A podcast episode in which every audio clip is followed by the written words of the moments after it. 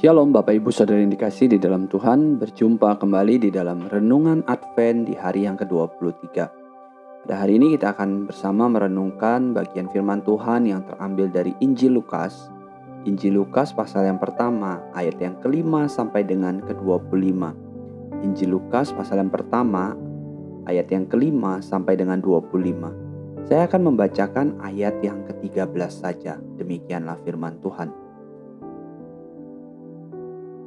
Tetapi malaikat itu berkata kepadanya, "Jangan takut, hai Zakaria, sebab doamu telah dikabulkan, dan Elisabeth, istrimu, akan melahirkan seorang anak laki-laki bagimu, dan haruslah engkau menamai dia Yohanes."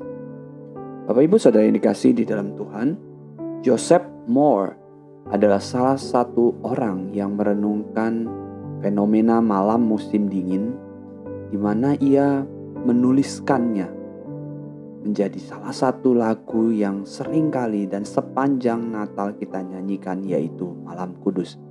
Ia merenungkan fenomena ini dan menuliskannya ke dalam lirik lagu favorit yang sering kita nyanyikan ini. Merancangkan bahwa di tengah malam yang sunyi ini kita bisa merenungkan satu hal untuk kita belajar dan mendengar apa yang Tuhan ingin. Jelang kelahiran Yesus, kita juga diperkenalkan dengan seorang imam, yaitu Zakaria dan istrinya Elizabeth. Menurut Lukas, sebagai penulis Injil tersebut, mereka berdua berasal dari keluarga imam yang merupakan orang yang setia dan saleh.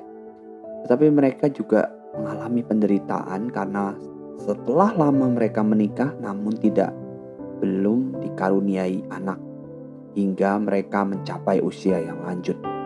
Lalu terjadilah mukjizat malaikat datang memberitahu Zakaria bahwa Tuhan telah menjawab doanya dan ia akan mempunyai seorang anak laki-laki. Kisah Natal ini bisa saja berakhir pada saat itu menjadikan kisah Natal ini menyenangkan dan berakhir dengan bahagia.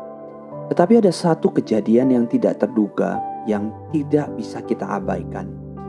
Yaitu ketika Zakaria Mendengar kabar itu, ia bergumul untuk mempercayai pesan dari malaikat Tuhan.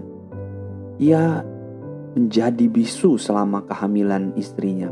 Ia terdiam, berubah dari seorang imam Tuhan yang terhormat, pandai berbicara, menjadi seorang lelaki tua yang tidak bisa berbicara, berkomunikasi, dan hanya bisa menggunakan isyarat tangan.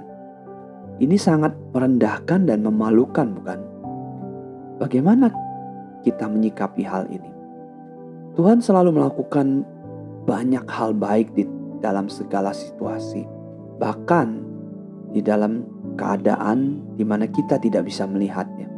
Hati Tuhan yang penuh belas kasihan tetap bekerja untuk menyediakan seorang putra yang akan membawa sukacita pada pasangan yang lanjut usia ini. Kuasa Tuhan dinyatakan ketika Tuhan memakai anak ini untuk memperkenalkan penebusan kepada dunia, yaitu Yohanes Pembaptis. Yohanes Pembaptis akan menjadi nabi yang berseru memanggil umat Tuhan, membawa mereka datang kepada Yesus. Kisah Zakaria menunjukkan bahwa Tuhan terus melakukan pekerjaan baik yang penuh anugerah. Di tengah kehancuran dan keraguan kita, Bapak Ibu Saudara yang dikasih di dalam Tuhan. Ketidakpercayaan Zakaria bukan penghalang bagi kuasa Allah. Meski kebisuan sangat menyulitkan dan merendahkan, namun sebenarnya itu adalah sebuah karunia.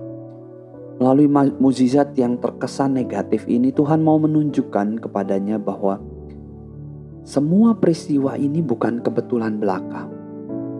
Tuhan sedang bekerja dengan caranya yang baru dan penuh kuasa untuk membawa kehidupan ke dalam dunia. Dan di akhir kisah Zakaria ini tidak berakhir dengan hukuman. Tuhan menyembuhkannya, membawa dia untuk menyerukan keindahan belas kasihan Tuhan. Biarlah kita mau merenungkan dari kisah Zakaria ini. Di tengah berbagai kondisi situasi, kita bisa melihat bahwa kasih Tuhan itu tidak pernah meninggalkan, bahkan di saat kesunyian yang paling sunyi sekalipun. Tuhan datang untuk mengasihi kita. Mari kita berdoa.